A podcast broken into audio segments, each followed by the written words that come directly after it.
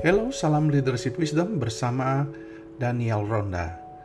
Saat ini masih dalam seri pertumbuhan gereja dan saya harap saudara mungkin banyak pertanyaan, banyak uh, hal yang mau didiskusikan memang karena uh, kondisi uh, platform podcast seperti ini tidak ada platform diskusi. Tetapi saya senang kalau saudara mengetahui media sosial saya menanyakan uh, di media sosial tentu saya akan meresponinya. Hari ini dalam seri pertemuan gereja saya mau mengajak saudara membahas tentang menjadi gereja yang misioner.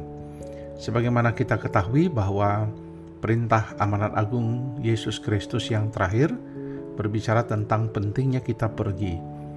Matius 28 ayat 18 sampai 20. Gereja harus mengadopsi perintah agung ini amanat agung ini sebagai sesuatu yang merupakan inti hakikat daripada gereja, DNA daripada gereja itu, yaitu mengabarkan, memberitakan Injil, dan menjadi gereja yang misioner.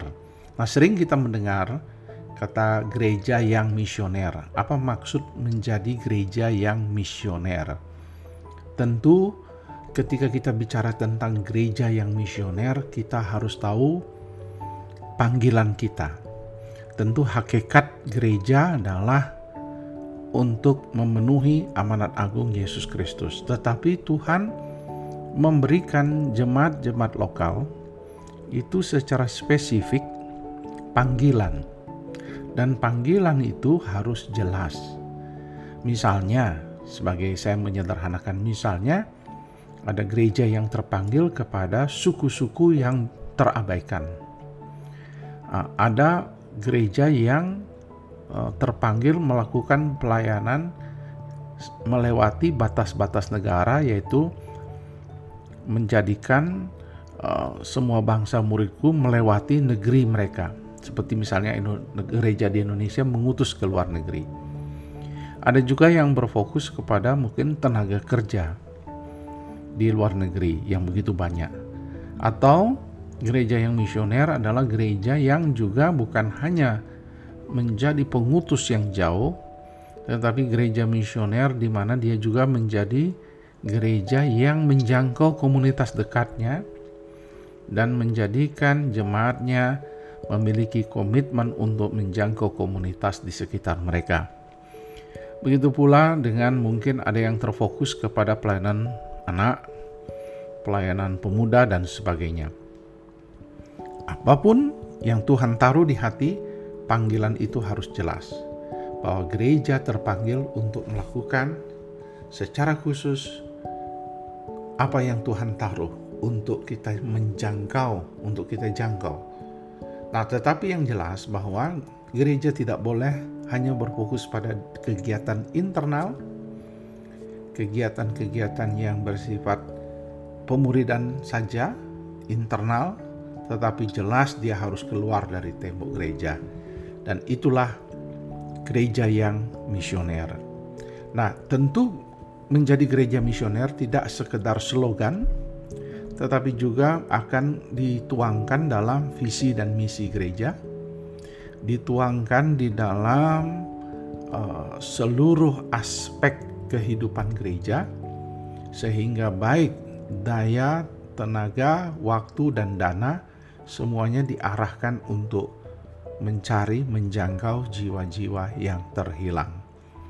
Nah, bagaimana menjadikan jemaat kita itu jemaat yang mindset tentang misi itu menjadi kuat? Nah, inilah yang kita akan uh, membahasnya. Bagaimana gereja itu bertumbuh menjadi gereja yang misioner, gereja yang kemudian mengutus, membuka ladang baru, mencari jiwa dan mendukung pelayanan di ladang-ladang baru itu dengan misionari yang kita utus.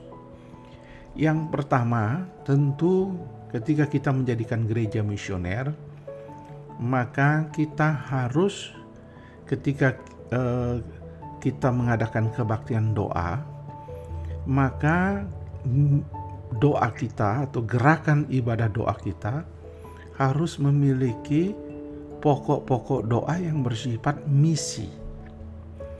Jadi ketika kita melakukan ibadah doa misalnya pada hari Rabu entah ada yang membuatnya Selasa apa pun juga di tengah minggu maka saudara sudah harus menitipkan pokok-pokok doa misi misalnya suku-suku misalnya apa saja yang berhubungan dengan pekabaran Injil kita masukkan dalam pokok-pokok doa itu Nah, bukan hanya di dalam ibadah-ibadah doa, tetapi juga mungkin di ibadah-ibadah kategorial.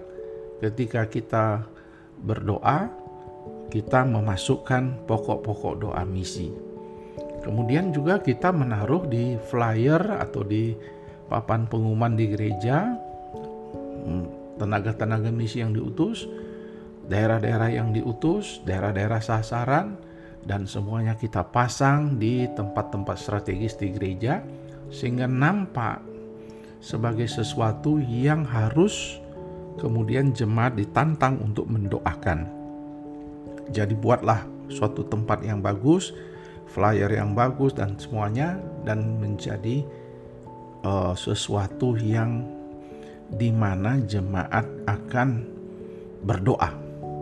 Nah, gembala harus rajin lewat bersama dengan departemen misi mereka untuk mengupdate uh, pokok-pokok doa setiap minggu.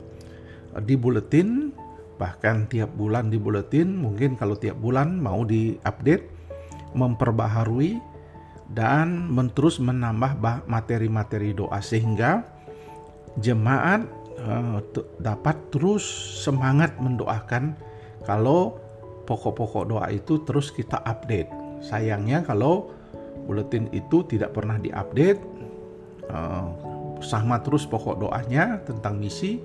Misalnya kita berkata suku A, tiap hari, tiap minggu sepanjang tahun kita sebut doa itu, tetapi kita harus tambah misalnya bahwa suku A itu apa kebutuhannya, suku A itu apa yang terjadi, bagaimana kita mengutusnya, bagaimana perkembangannya. Jadi itu lebih menarik.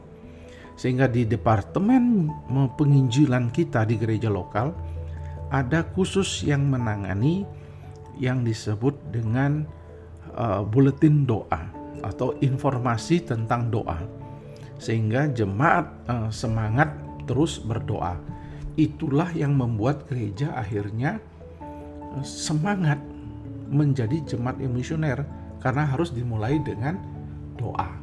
Jadi bukan hanya berdoa secara rutin, tetapi menjadikan ibadah doa itu menjadi sesuatu yang menarik karena ada buletin, update doa, berita-berita doa yang terbaru yang menarik sehingga mereka mau mendedikasikan diri mereka berdoa dan mendukung pelayanan ini dalam doa. Jadi itulah yang dimaksud dengan uh, uh, berdoa.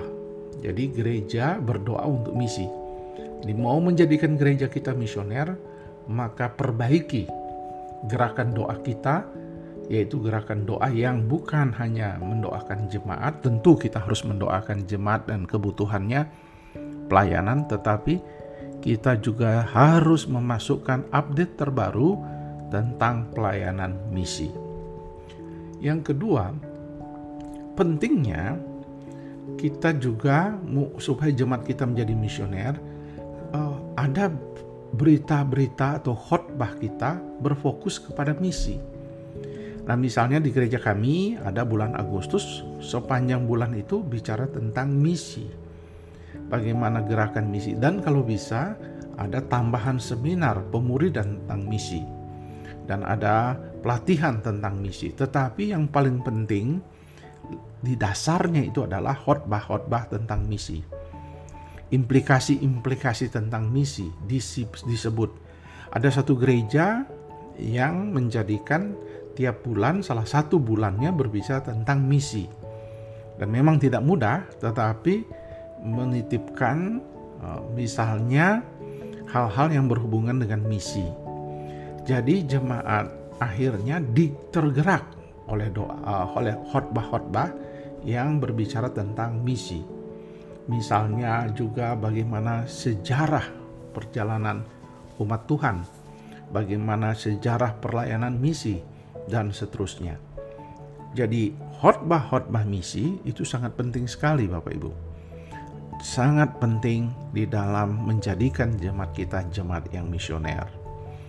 Kemudian, yang ketiga, supaya kita jemaat kita menjadi misioner adalah gereja yang berfokus pada penginjilan.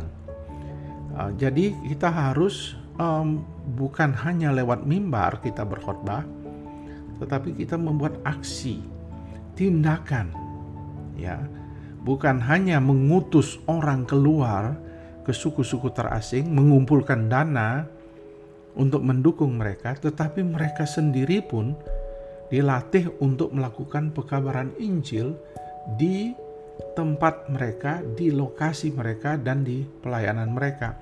Mereka wajib bersaksi, dan ini membutuhkan waktu karena konsep gereja tradisional, sekalipun di dunia evangelikal, ada anggapan bahwa pekabaran Injil menjadi saksi adalah tugas gembala.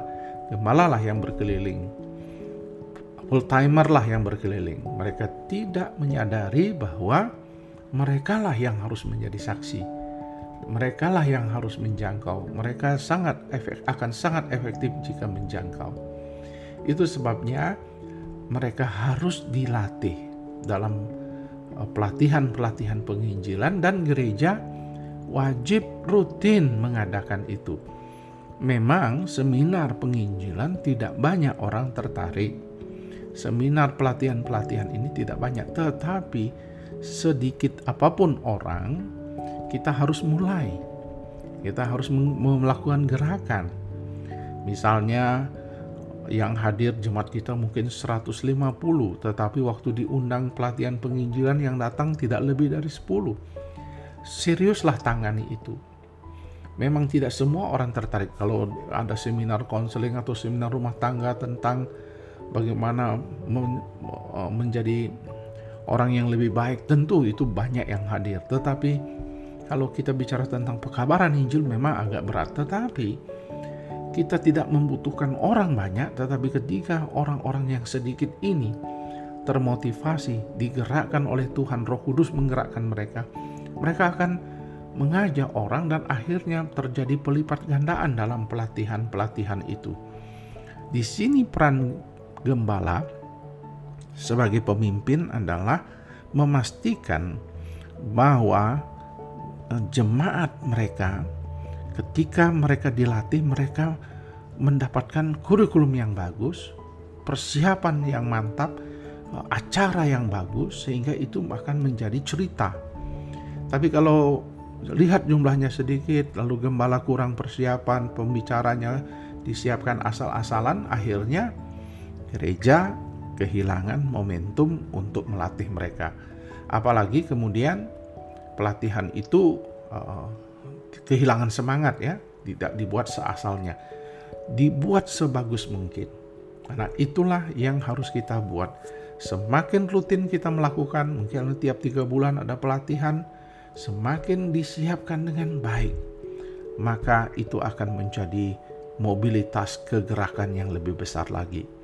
Jadi, kita harus memulai gereja yang misioner itu dengan jelas apa yang Tuhan taruh di hati. Kita menaruh itu dalam visi misi, tujuan dan strategi, jelas prioritasnya, lalu baru kita membangun gereja yang berdoa, gereja yang firman kebenaran itu disampaikan berbicara tentang misi, dan gereja yang melatih jemaatnya untuk melakukan penginjilan dan bukan hanya sekedar mengutus orang lain untuk pergi ke ladang Tuhan. Nah, kiranya Tuhan memberkati uh, pembahasan ini dan saudara semakin tertantang untuk menjadikan jemaat saudara jemaat yang misioner. Tuhan memberkati.